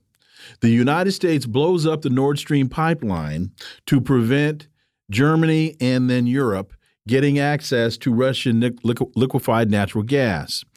We've also been told through many channels that one of the objectives of this conflict with Ukraine was to deindustrialize Germany. But all of this, from what I seem to understand, was to weaken Russia. Well, if the World Bank is now saying that Russia has the largest economy in Europe, one of the uh, uh, th that's telling me that this whole thing was a fool's errand a waste of time and it has backfired on the United States. Am I making more of that than I should, Dr. Jack Rasmus?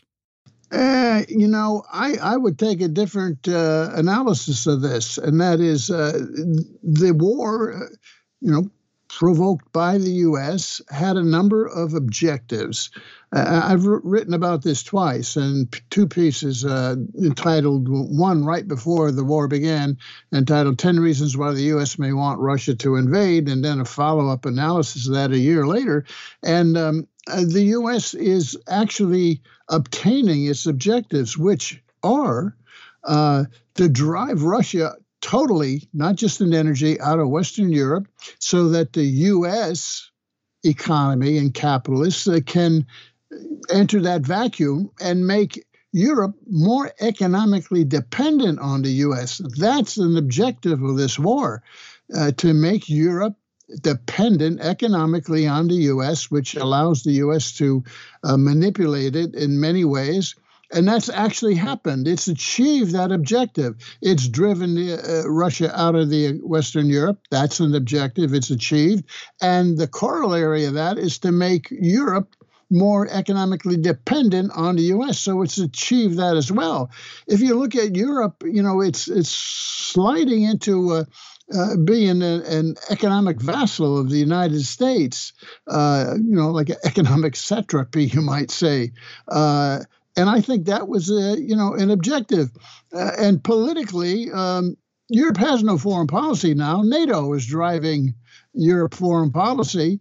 Uh, so what you see is Europe uh, becoming an appendage of the U.S. increasingly slowly, but increasingly both economically and politically. And I think that was a strategic objective of the U.S. I agree with you and but I would say that I think that there was a multi-pronged there are multi-pronged ob objectives here and understanding the anti-Russiaphobe Zbigniew Brzezinski and his desire to remove Russia from the map and that so many acolytes of Zabriskie, uh, I'm sorry, Brzezinski, uh, that and and and Tony Blinken and Hillary Clinton and Madeleine Albright. I mean, the list is as long as my arm. That in the short term, I would say you're absolutely right, but I would project that I don't know three years, five years from now, when when this dust settles and Russia is still standing, that Europe is going to look and say, "Damn." the United States messed us up again, and Russia is going to be the one in Europe that they're going to be turning to because they realize that they by by betting with the United States, they bet on the wrong horse. Yeah, well, you know, that's been a neocon wet dream since 1999 to uh, uh, pretty much debilitate, break up uh, right. Russia and get all the resources and so forth. And, and, face it, the neocons been running U.S. policy here since the late 90s, since uh, Bill Clinton couldn't keep his zipper closed, right? And he gave uh, them and the right wing and uh, the banks and whatever they needed not to impeach him or convict him of impeachment. Uh, he just turned it over to him, and that's when you know 1999 we see, see the march mm-hmm. uh, of NATO mm-hmm. eastward that just accelerates because since since then. Uh, you know, under Bush, and ever since then, the neocons have been running policy foreign policy. And we've been in incessant wars as a result, wars which the U.S. is not necessarily winning and is causing trillions of dollars of losses. Uh, I mean, history will show these past 20, 22 years, uh, the U.S. Uh, has been uh, pretty much run by the neocons. And of course, Blinken and Nuland and, and uh, Sullivan, all those, these are the neocons, the latest uh, iteration of them. and really, what they want uh, ultimately is to uh, dismember Russia and to go to war with China. Right. This is what these people want. You know, mm-hmm. it's crazy, and it's World War Three, and you you got demented old leaders in the U.S. who are just. Uh, you know they're, they're they're just putty in the hands of the neocons. Uh, the neocons are playing them like a bad violin, and I'm talking about demented Joe. Well, and in fact, let me let me add one one other element to this, and that is BRICS and the countries the what is it now? Up to almost 40 countries that want to join BRICS. And so and what made me think about this was you mentioning China. Is so as China and Russia continue to develop economically and BRICS countries join that economic union again I I I understand what what what what what what uh, Uncle Joe is is trying to accomplish but what I see happening over the next three to five years tells me the United States done bumped his head, stubbed its toe, and is is heading down the wrong track. Yeah, the neocons and Joe are destroying the U.S. economic empire right before our eyes. Mm -hmm. you know, I mean, the neocons are, are really stupid strategically, mm -hmm. you mm-hmm. know, and uh, the sanctions uh, have set in motion uh, the destruction of the U.S. dollar as the global linchpin of the U.S. Uh, economic empire. Uh, we're we're going to see here announced very shortly uh, the uh, an alternative currency. In other words, countries and and the BRICS and uh, many others who are going to join are going to start using other currencies. they're going to trade directly, or they'll create another currency based on gold and a basket of goods uh, and they won't be using the dollar. Okay. Now, what that means is the demand for the dollar is going to fall, uh, and um, Therefore, inflation, import inflation, is going to rise in the U.S., and the U.S. is not going to be able to pull off sanctions because when you have mm. another currency, you'll have another international payment system, not the SWIFT system. So it's unraveling. The institutions of global um, American empire mm-hmm. are unraveling right now before our eyes, which were set in motion uh, by this uh, Ukraine and attack and sanctions and so forth. So Joe Biden, history will show, presided over the accelerating decline of the U.S. economic empire. Let me get to this one quickly because uh, we only have about a minute and a half left. Oh, in, from this article in Al Mayadeen, that 67 countries are invited to join BRICS, not including France. Taiwanese TSMC accepts $3.8 billion Germany microchips factory plan and uh, this to me is just another indication that the world is turning in the direction that the United States doesn't want it to go because this is a reindustrialization move as it relates to Germany as opposed to a deindustrialization move. We got about a minute and 45 seconds.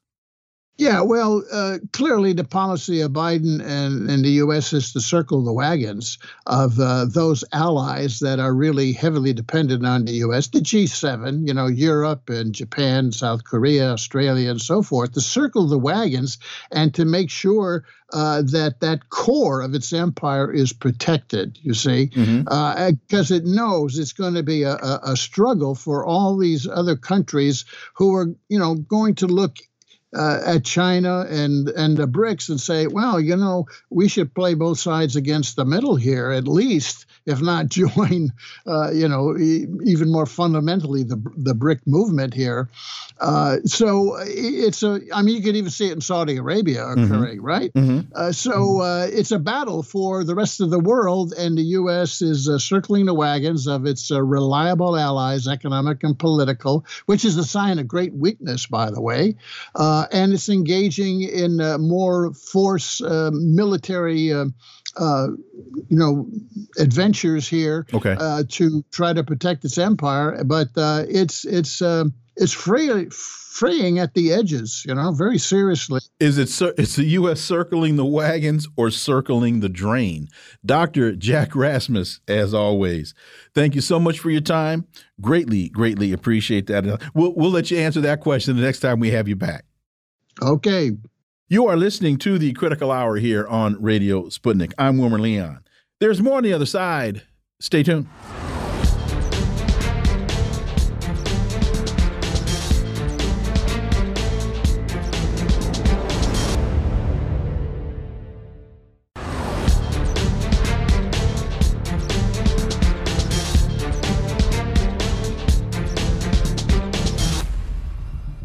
I'm back, and you're listening to the Critical Hour on Radio Sputnik. I'm Wilmer Leon. According to the Mainichi, Japan's daily newspaper, Nagasaki urges break from nuke deterrence at scaled down A bomb event. Nagasaki's mayor called on nuclear weapons possessing states and their allies to show courage by breaking free from the nuclear deterrence principles earlier today at a scaled down ceremony to mark the 78th anniversary of the atomic bomb attack on the city. What? Well, for insight into this, let's turn to my next guest. He's a peace activist, writer, political analyst, and teacher, KJ Noh. As always, KJ, welcome back. Thank you. Pleasure to be with you. So, in his peace declaration, Mayor Shiro Suzuki joined his counterpart in uh, Hiroshima Mayor Kazumi Matsui in using this year's speech to oppose the principles of nuclear deterrence. Can I, I don't get it, KJ. What am I misunderstanding here?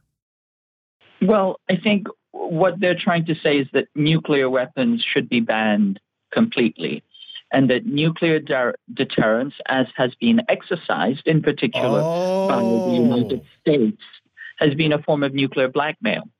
Oh, see, okay. Well, thank you, because I was seriously confused. The article didn't make sense to me because I didn't understand that fundamental premise.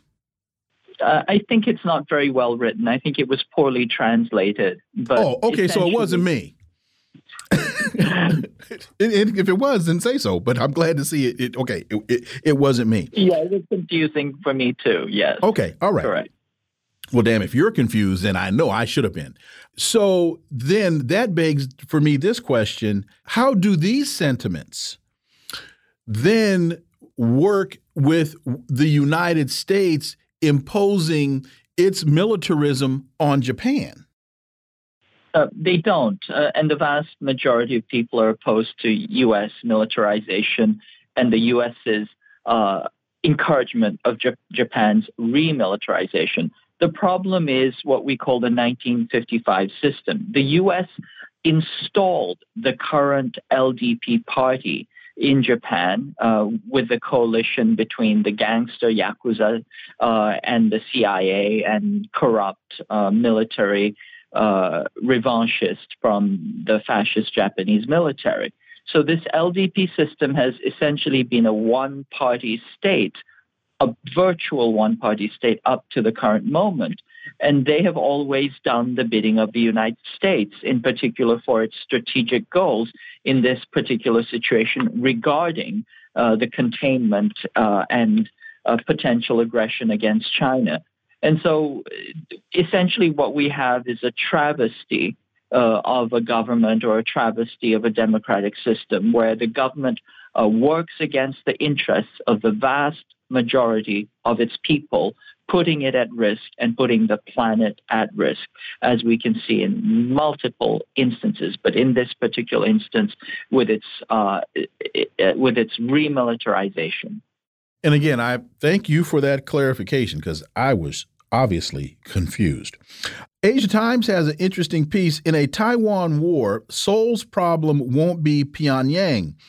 Fearing extinction of the Kim regime, North Korea is unlikely to escalate beyond a small scale lethal attack. South Koreans are worried about the three body problem, not the astrophysical phenomenon featured in the popular science fiction novel by Lynn Sixon. Rather, It's the geopolitical phenomenon that links China, Taiwan, and North Korea. Because of the relationships among these three governments, a war in the Taiwan Strait could cause a military conflict on the Korean Peninsula. Your thoughts, KJ? Well, it, this this uh, this article is a very bad article, and Asia Times has put out some uh, pretty bad articles, but this is this one I think is way up there. But uh, the simple fact is that anytime the U.S. or any foreign country has gone to war with China over Taiwan, it has almost always involved a war with China on the Korean Peninsula simultaneously. And that's a historical pattern. We see it in 1592, we see it in 1894, we see it in 1950. Uh, and it could be the case uh, in this upcoming uh, provocation and uh, escalation to war with Taiwan that's happening right now.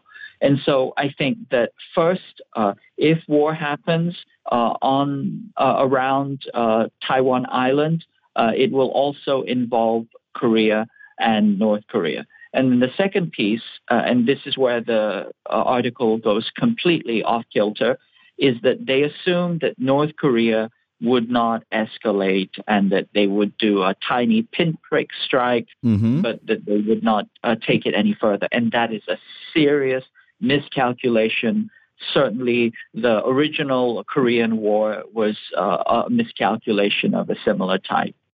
Well, one of the other things that I, I, think is wrong with this piece is in the I think this is the in the second paragraph.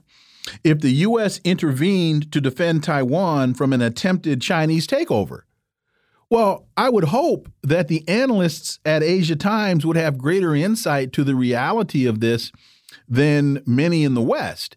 And so, am I wrong to say that I have not heard or seen any indications from leadership in China that this is what they plan to do? That basically what this article is doing is promoting the U.S. narrative.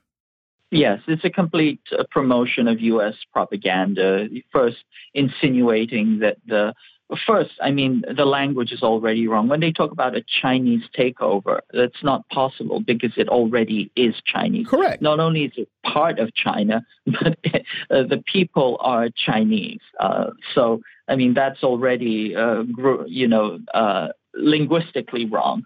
But if they're talking, but, but wait a minute, but wait a minute, wait a minute. Just, just, just to add another element to that point, if you go to the United States State Department website, that is still the standing U.S. policy.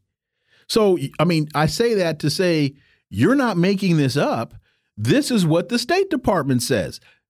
Am I right? This is what the state. Uh, yes, this is exactly okay. what the State Department says. This is also uh, what the UN says. This is also what the vast majority of countries on the planet say. So uh, it's already we're starting with an absurdity and then we're trying to parse out some you know logic inside that absurdity but certainly china does not have military designs on taiwan uh, island its own province they've said repeatedly chinese are not going to kill each other uh, the only reason why this would happen is if US, if the U.S.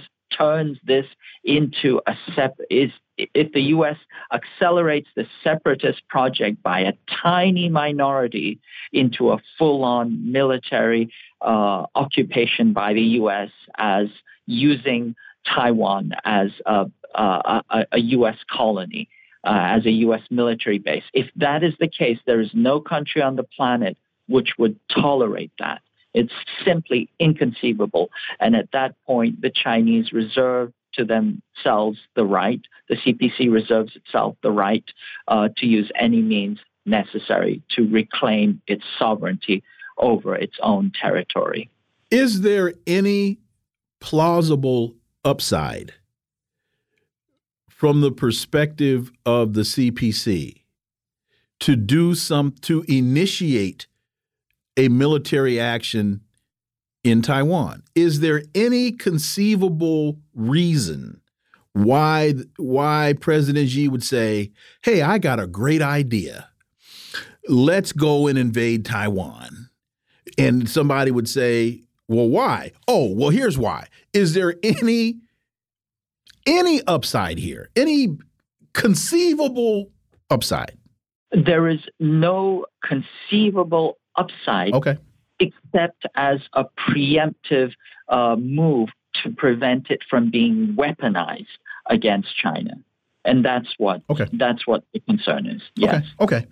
Uh, and hopefully that wasn't a, a ridiculous question. I, I, just thought you might have you, you might have said, well, because uh, their their bobsled team uh, is is thought to be uh, you know number one in the world, and and China is focused on winning the bobsled competition at the Olympics. Oh, okay. Well, then that makes sense. Almayadeen.net.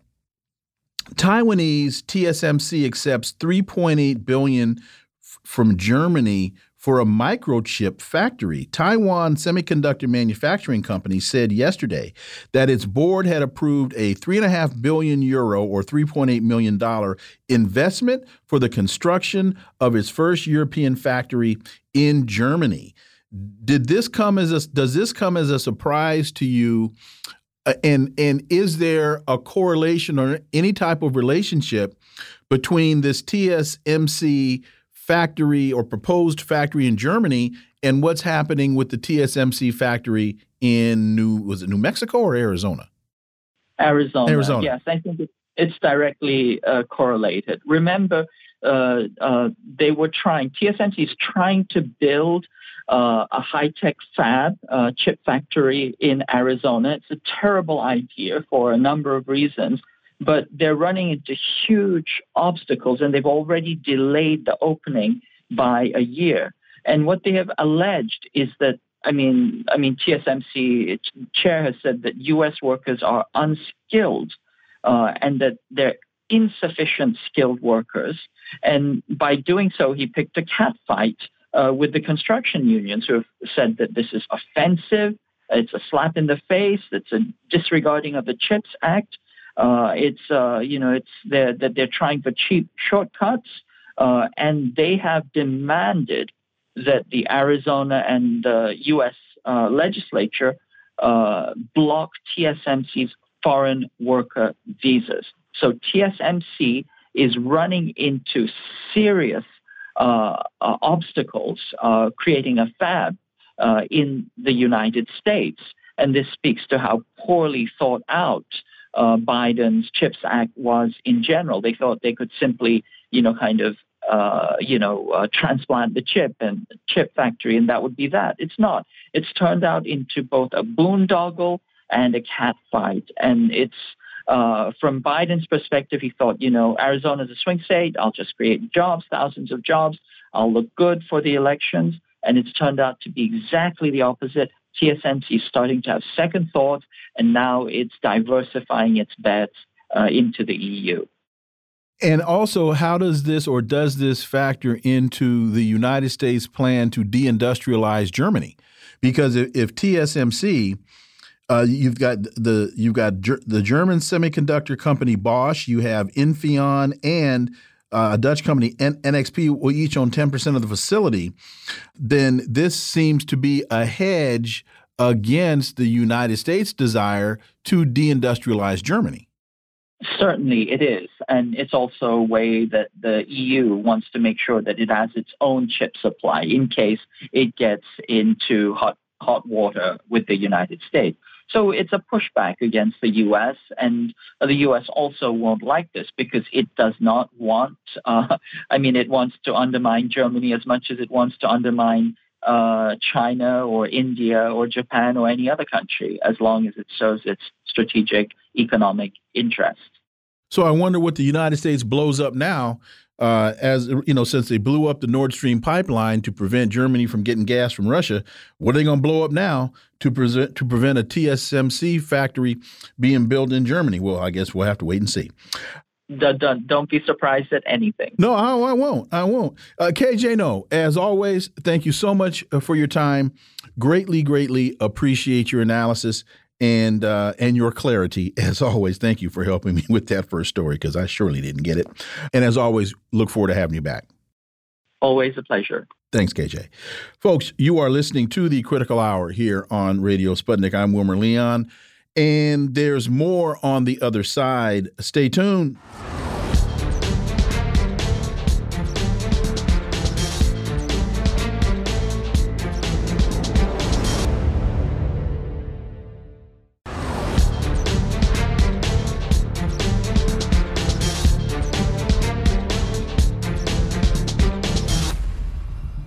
I'm back, and you're listening to the Critical Hour on Radio Sputnik. I'm Wilmer Leon. Mint Press reports Palestinian journalists' agonizing detention spotlights Israel's crackdown on free press. On July 15, Palestinian journalist Basel Adra found himself apprehended by the military after documenting an Israeli settler's assault in the occupied West Bank. Adra was subjected to handcuffing, blindfolding, and forced to endure hours under the scorching sun. While the Union of Journalists in Israel decried this incident as a grave infringement on press freedom, his ordeal mirrors the distressing reality encountered by countless Palestinian reporters. This is interesting to me since I thought that the Zionist settler colony was supposed to be a democracy. At least that's what Joe Biden keeps telling me and Bibi Netanyahu keeps saying. Well, for insight into this, let's turn to my next guest. He's the host of the Left is Dead podcast, James Carey. As always, James, welcome back. Always good to be here. I think it's also important to uh, assess this in the context of the assassination of the Palestinian American journalist Shireen Abu Akleh, who was murdered in May of 2022. Uh, your thoughts, James Carey? Yeah, I think there's a larger context in general, and that is, you know, we've seen such an escalation of um, the Israeli project, you know, the Zionist project, that the only voice that Palestinians have had, in, you know, forever has been essentially independent media or Arab media, but now it's more independent media as a lot of the Arab countries kind of normalize with Israel. But independent media has become a real danger, and we talk about how it's a danger to, uh, you know, regimes in the U.S. or anywhere else in the world. But in Israel, it's the only way the Palestinians have to, to highlight their actual plight, and you know, we don't see it like say a Black Lives Matter protest here. We don't see that. You don't see a Palestinian on the news every night every, here when they're having protests. At least not for any extended period of time. So this has been their only method of countering the Israeli narrative that you know there's terrorists and this is all violence and this is all, all Palestinians are dangerous to Israel. Um, and I think that is why we're seeing such a crackdown and really, yeah, the blatant murders of journalists, including ones with American citizenships, because uh, Israel is getting more intense as they're they're looking to finalize their spot and they're looking to get rid of the Palestinians. Like I said, they, I, I believe I've said on this program, they don't want them to live and they'll just make it hard for them to live. And uh, I think that independent journalists are the real danger to them because the one thing that gets out there is still like video and reporting from, say, the West Bank or Gaza. That still comes out to us. We still know all these things because of independent journalists in those regions. So I think that is a reason why you're seeing Israel crack down so hard on them. Again, as a lesson to everybody else, stop doing this. It's interesting that you note the the impact that the normalization with Israel has had a stifling impact on Arab media. I had not actually thought about that, but but uh, but that's a that's an incredibly troubling reality. Especially in places like you know, it's like Saudi Arabia or Qatar, or the UAE. You know, these these are primarily state. Well, they are state run, and it's not like they can go against the narrative of the state. Um, these media outlets like Al Arabiya and Saudi Arabia you know, the, the reporting on Palestine is going to reduce because these used to be the places where you could get information on Palestine because at least these countries opposed Israel in whatever manner they did. Um, but as normalization creeps up, you know, the things that have gone away is a lot of reporting about Israel on Saudi television or some, you know, at one point the Saudis were trying to integrate Israeli programming, but I don't think that happened. But you're seeing a lot of these things go away because, you know, the Saudis and other countries like that in the Gulf are trying to crack down on funding going to Palestine to try and normalize with Israel. And this has all been an overall part of that. And you're seeing a lot of, you know, there's been a lot of op-eds and things in the last year about, you know, are the Arab states abandoning Palestine? And I think it's Iran that stuck by them the most at this point. But I think they are to some extent, whether it's they're not abandoning, you know, their hate for Israel because that'll take a long time to get uningrained from the culture in Saudi Arabia or somewhere like that. But as far as protecting the Palestinians, I think they're lowering that priority. I mean, Saudi Arabia has even cut off, you know, personal payments to Palestine from individuals in Saudi Arabia. So I think these moves have been rather effective, honestly, because they've cut off a lot of attention that would have come from, you know, what are mainly mainstream media outlets. We may not consider them that here because we're used to big four or whatever, but they're mainstream media outlets across the world and in the region. And I think that you're seeing less coverage of this conflict because of the normalization process or what we're calling the normalization process. Palestine Chronicle has a piece, We Will Send Lebanon Back to Stone Age Israel threatens Hezbollah. Israeli Defense Minister Yoav Gallant warned the Lebanese resistance movement Hezbollah yesterday, threatening to send Lebanon back to the Stone Age in the event of an escalation or conflict. Gallant also warned Hezbollah leader Hassan Nasrallah not to make a mistake. Don't mistake us. We don't want war, but we are ready to protect our citizens, our soldiers, and our sovereignty. He added, this really sounds a, a, lot. Well, this can be interpreted, I think, a couple of different ways. One, it can be interpreted that Israel's Israel's really afraid of what could happen if Hezbollah and some of its other allies were to decide to be more uh, more aggressive. The other element to this, to me, is this is the occupier defining the actions of the occupied and labeling the response or their resistance to occupation as terrorism and threatening, when in fact, what it is is self defense. Right. And that's been Palestine, you know, that's been the Palestinians' legal defense forever because it is legal to resist an occupation in whatever manner. And I mean, the areas of Lebanon that, you know, we're discussing are disputed between Israel and uh, Lebanon. And it's this happens with a lot of regions, though. The Golan Heights is like this, and I think what we're seeing is a sort of divide in the right wing Zionists. Right, we have Bibi Netanyahu, who is he's been such a staple, but his new coalition includes you know people farther to the right than him, and I think the dispute between whether you're a far right Israeli or a far far right Israeli is how far do you want to see the borders go? So I think that they're looking to take the sort of methods they use on Palestine and, like you said, use them to define the actions of somebody who's occupied as an aggression, despite the fact that if you're occupied, you have the legal right to resist by any means necessary.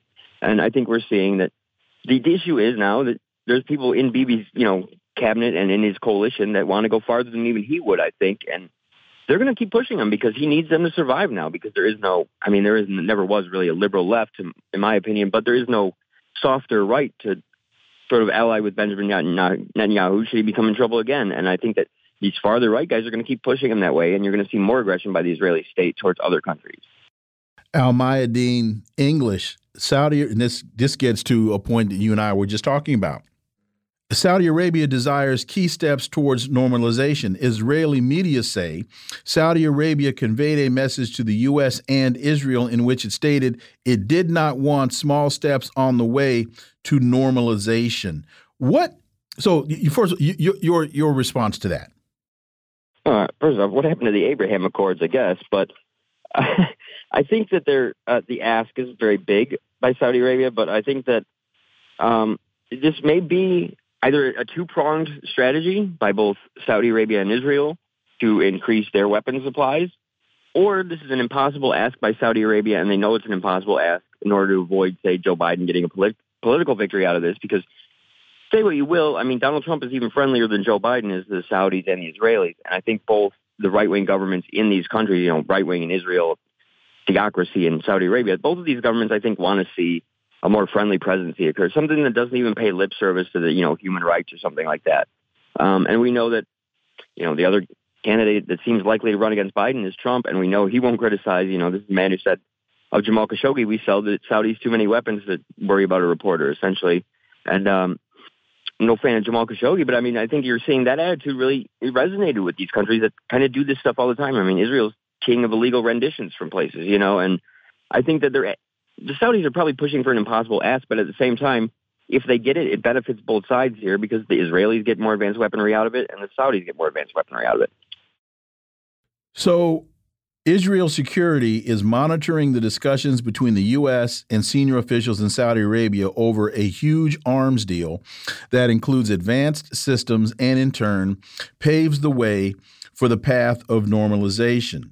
And so, and then go, the article goes on regarding these discussions. The Israeli commentator indicated that the U.S. administration has been committed for years to the qualitative superiority of the Israeli military. So what Israel is saying is if you sell all these weapons to the Saudis, then you've got to give us bigger weapons because even though we're going to have normalization or we're trying to get we're trying to normalize relationships, we got to have the biggest gun in the room. Yeah, yeah, essentially that's it, right? And I think that is that is largely the purpose of Israel anyway, is to serve as sort of that's why we have this agreement that they stay advanced of all the Arab armies is they're sort of like an aircraft carrier or a weapons testing facility. You know, they serve multiple purposes, but they serve them for U.S. empire. And I'm not sure that uh, it's hard to say, you know, what they'll want. But I mean, these are, we're talking the F-35s, a new type of NATO technology, and the Saudis want in exchange, you know, almost like a NATO-like agreement with the U.S. It seems like both parties are almost Israel get what they want, but it seems it seems like the Saudis are asking for something impossible. But it's definitely going to help the Israelis because look, they see that the Saudis want these things. The Saudis are talking about how they want a civilian nuclear program. They've never really said they don't want a nuclear weapons program. Um, you know, they've been cagey about it, but I think we're seeing that the Israelis, if not, even if the Saudis are making an impossible ask, they see a chance to ask for something more. And I think that, the, you know, most likely will end up receiving it at some point. So, so where is China in all of this? Because just uh, a month or so ago, a couple of months ago, you know, China working with the Saudis and and with the Iranians, there was all of this movement forward, and then you even had some of the other smaller Arab nations that were looking to China, and we were we were thinking, oh my goodness, there's just going to be this incredible move forward. So, with all of this, where is China in the room? Well, I think with as far as Israel goes, I think Israel will always be a tighter partner to us. But the Saudis and the Arab states, I think, you know, they have a good because of the resources they hold on to. They have a good ability to sort of play both sides of things and not really have to move. You know, the U.S. is currently trying. This is what you know. Part of these normalization efforts are for. It's an attempt to sort of push people away from China back towards the U.S. You know, this is why the Saudis are asking for such a concrete military agreement. I think, and it's to sort of sucker the U.S. into this. But I don't think China is going away. I think economically, obviously, this is where China projects much more power. China is going to be demanding, you know, their demand for the resources that are produced in the Gulf are going to go up in the next several years as we're trying to curb our use of them here. So I don't think we've seen the end of China's involvement. I think we're just like we see everywhere else. China involves themselves much differently than we do, don't they? I mean, they use economic power rather than offering weapons and firearms and you know offering every weapon you can give them and offering to fight wars for people you know the chinese don't like to do things that way. They, in fact they haven't fought a war in a long time from what i've seen. So i think that they're not going away. It's just riyadh and places like uh you know turkey um the uae they're going to try and leverage support from the east against whatever they can get out of the west especially under democratic administrations i think in the future um, I think they're going to try and leverage everything and get out of the East to, towards getting more out of the West. And when somebody in the West is back in charge, you know, they'll just blindly charge into it. If say if it's a Republican president, I think when they're back in charge, they'll kind of, unless it's somebody more reasonable than Trump, but I think Trump will charge right back into the support for the Saudis without paying China too much mind. I think China will. I think China actually benefited from somebody like Trump because they get a chance to get ahead. They get a lot of breathing room as sort of faulty steps are made to counter them. I think it's also important to realize when you're dealing with somebody like Antony Blinken, who seems to be, and now he is the U.S. Secretary of State, which is supposed to be the head of the diplomatic corps, but he seems to be uh, much more of a hawk and much more of a weapon salesman than he is a purveyor of peace. Yeah, absolutely. And I think that's what, you know, as a, the sort of imperial arm of the military draws down and we can't really project power the way we have, I think that's our only choice is sort of become what Israel has become is an arms dealer. And I think that certain small engagements or things like Ukraine will show off our technology, will highlight it, and we'll sell more of it. But I think that's what, you know, especially with the economy here being so dependent on military spending, I think Blinken obviously knows that. Obviously, every Democrat knows that. They're in on this too. And I think that they're going to continue that because that is what our big role is now. Now that we aren't the superpower military that, militarily that can go wherever it wants, I think we're going to see a lot more. You know, the, these proxy wars have heated up since the Cold War, and they've only gotten worse. You know, everywhere we go, that new one starts. Even if we do go there, and if we don't go, we just send weapons. We send cluster bombs to Ukraine. It doesn't matter. Um, I think you're just seeing us turn into basically an arms dealer. James Carey, as always, thank you so much for your time. Greatly, greatly appreciate that analysis, and I look forward to having you back. All right, thank you. Folks, you've been listening to the Critical Hour here on Radio Sputnik. Thank you for allowing my voice into your space, and I hope you were informed and enlightened. And I look forward to talking with you all right here tomorrow on Radio Sputnik. Be safe. Peace and blessings. I'm out.